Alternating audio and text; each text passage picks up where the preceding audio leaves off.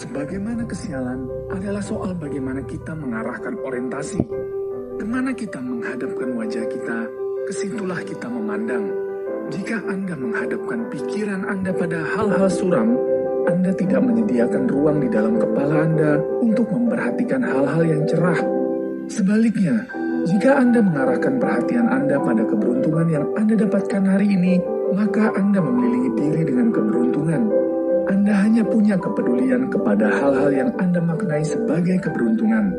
Kesialan tidak ada, karena ia tidak masuk dalam ruang lingkup perhatian Anda. Dan Anda akan menjadi orang yang bersyukur karena hidup Anda dikelilingi keberuntungan. Namun, jika memang keberuntungan dan kesialan adalah soal pilihan, bagaimana cara orang memilih keberuntungan bagi dirinya? Sederhananya, ketika Anda memilih sesuatu, Anda hanya perlu menegaskan pilihan Anda. Ada sekian pilihan di hadapan Anda ataupun situasi Anda hari ini, dan Anda memilih secara bebas apa yang Anda inginkan. Saya memilih sebagai orang yang beruntung, dan sekarang adalah hari keberuntungan saya. Saya memilih meyakini bahwa saya orang yang beruntung dan di masa depan saya lebih beruntung. Jika Anda pernah mengucapkan kalimat afirmasi dan pikiran sadar Anda berontak menyatakan bahwa Anda sedang menipu diri sendiri, maka kata memilih akan melumpuhkan perlawanannya. Anda memilih dan itu bukan sesuatu yang menghantam kekuatan negatif yang mungkin akan mengganggu Anda. Pendeknya, Anda memiliki hak pilih untuk menjalani hidup Anda sendiri. Tidak peduli bagaimana beratnya kondisi hidup Anda. Waktu yang paling tepat untuk menegaskan pilihan adalah ketika Anda baru bangun tidur dan ketika Anda hendak tidur. Seorang psikolog dari Inggris, Richard Wiseman, berhasil menyimpulkan karakter orang-orang yang beruntung dan karakter itu bisa ditiru. Menurut Richard Wiseman, keberuntungan itu ada polanya, bisa dipelajari dan dipraktekkan. Psikolog ini ingin meneliti mengapa orang yang selalu beruntung berada di tempat yang tepat di waktu yang tepat pula. Dia mengumpulkan data 400 orang, separuh menyatakan selalu beruntung dan separuhnya lagi menyatakan selalu sial. Setelah melakukan banyak percobaan, dia percaya bahwa sekarang bisa memahami mengapa orang lebih beruntung dibanding yang lain. Dia memulai penelitian dengan memasang iklan di koran nasional dan majalah. Dia meminta orang yang selalu beruntung atau tidak beruntung untuk menghubunginya. Selama bertahun-tahun, sekitar 400-an orang pria wanita dari 18 tahun sampai 84 tahun datang kepadanya. Orang beruntung itu dari berbagai macam latar belakang. Misalnya Jessica, ilmuwan forensik berusia 42 tahun. Dia mengatakan, saya memiliki pekerjaan yang saya cita-citakan, dua anak yang menyenangkan, dan pria yang saya sangat cintai. Luar biasa jika memandang masa lalu saya. Saya sadar saya selalu beruntung di semua hal.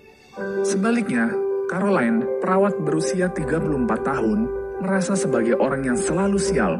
Ia gampang cenderung mudah mengalami kecelakaan. Saat berjalan, ia terkilir karena terperosok ke lubang jalan. Suatu hari tulang belakang cedera karena jatuh. Sampai saat belajar menyetir, menabrakan mobil ke pohon.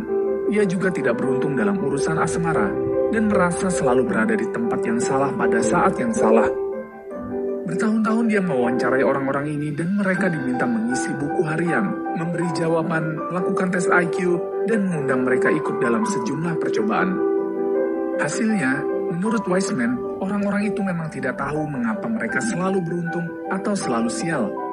Namun, menurut penelitian Wiseman, pikiran dan perilaku mereka yang menyebabkan keberuntungan atau tidak keberuntungan itu. Misalnya saja, bagaimana orang yang selalu beruntung selalu bisa melihat peluang, sedang orang yang sial tidak pernah bisa melihat peluang. Richard Wiseman melakukan percobaan sederhana untuk melihat bagaimana orang bisa melihat peluang atau tidak. Richard Wiseman memberi orang yang beruntung dan tidak beruntung sebuah koran. Dia meminta orang-orang itu menghitung jumlah foto di dalam koran itu. Rata-rata, orang yang tidak beruntung membutuhkan dua menit untuk menghitung foto. Tapi orang-orang yang beruntung hanya butuh satu atau dua detik. Mengapa bisa demikian? Di halaman kedua koran itu terdapat tulisan dengan huruf sebesar 5 cm dan mengisi setengah halaman yang bertuliskan berhenti menghitung. Ada 43 foto di koran ini. Orang yang beruntung bisa melihat tulisan mencolok itu, sedang orang sial tidak bisa melihatnya. Richard Westman juga menaruh tulisan seukuran sama di bagian tengah koran. Tulisannya berhenti menghitung. Bilang pada si peneliti jika Anda sudah melihat ini dan mendapatkan 250 pound sterling. Tapi kembali, orang yang tidak beruntung itu tidak melihat tulisan itu. Sehingga tidak bisa mendapatkan 250 pound sterling tersebut. Orang yang tidak beruntung terlalu sibuk menghitung foto sehingga gagal memanfaatkan dua peluang di satu koran saja Tes kepribadian juga memperlihatkan bahwa orang yang tidak beruntung pada dasarnya lebih tegang daripada yang beruntung. Ketegangan ini membuat mereka tidak bisa menangkap hal-hal di luar dugaan yang kadang menguntungkan. Bagaimana ketegangan ini bisa membuat orang tidak bisa menangkap peluang? Richard Wiseman melakukan percobaan kembali. Sekelompok orang beruntung dan tidak beruntung diminta melihat kursor yang bergerak-gerak di tengah layar komputer. Tanpa ada tanda-tanda, sebuah titik besar kadang muncul di ujung layar, Hampir semua orang yang ikut percobaan ini melihat titik besar yang muncul di ujung layar. Namun, bagaimana jika mereka diberi ketegangan? Mereka dijanjikan hadiah uang besar jika memperhatikan kursor di tengah layar. Mereka menjadi tegang dan memusatkan perhatian pada kursor di tengah layar. Hasilnya, hampir sepertiga peserta tidak bisa melihat titik besar di ujung layar. Richard Wiseman mengatakan orang yang tidak beruntung terlalu fokus pada satu hal, sehingga melupakan hal yang lain yang kadang membawa keberuntungan. Hal ini tampak bagaimana mereka menjalani kehidupan sehari-hari.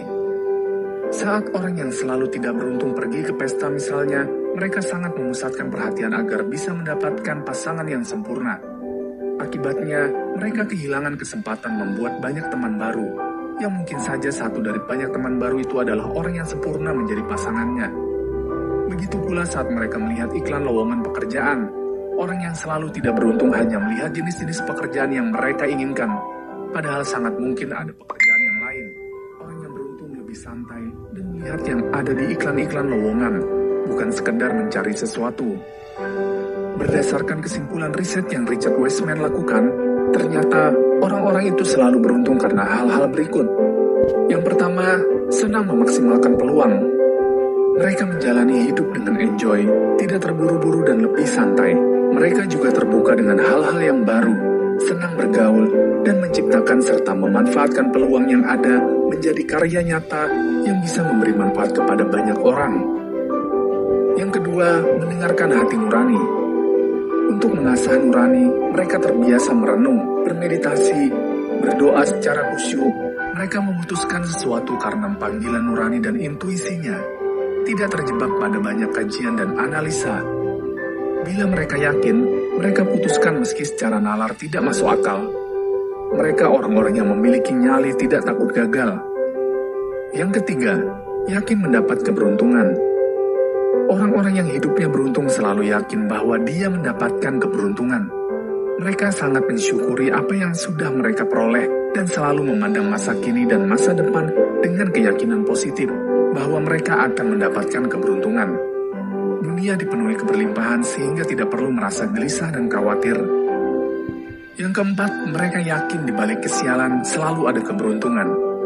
Mereka selalu melihat ada hikmah di balik penderitaan, musibah, dan kesialan. Selalu ada pelajaran positif yang bisa diambil dari setiap kejadian, termasuk kesialan sekalipun. Bahkan mereka sangat yakin di balik satu kesialan terdapat banyak keberuntungan yang bisa mereka dapatkan. Seperti yang disebutkan dalam Al-Quran Surat Al-Insyirah ayat 5 yang berbunyi, Karena sesungguhnya sesudah kesulitan itu ada kemudahan. Ayat ini pun diulang di ayat ke-6.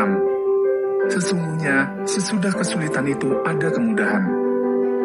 Menurut Profesor Quraisy Hab ketika menafsirkan ayat ini, di balik setiap kesulitan yang kita hadapi minimal ada dua kemudahan yang kita dapatkan. Mari kita terapkan kebiasaan orang-orang yang hidupnya dipenuhi dengan keberuntungan, disertai keyakinan bahwa Tuhan benar-benar menjadikan hidup kita dipenuhi keberuntungan. Bukankah Tuhan sesuai dengan prasangka hambanya? Apabila kita berprasangka beruntung, maka beruntunglah kita.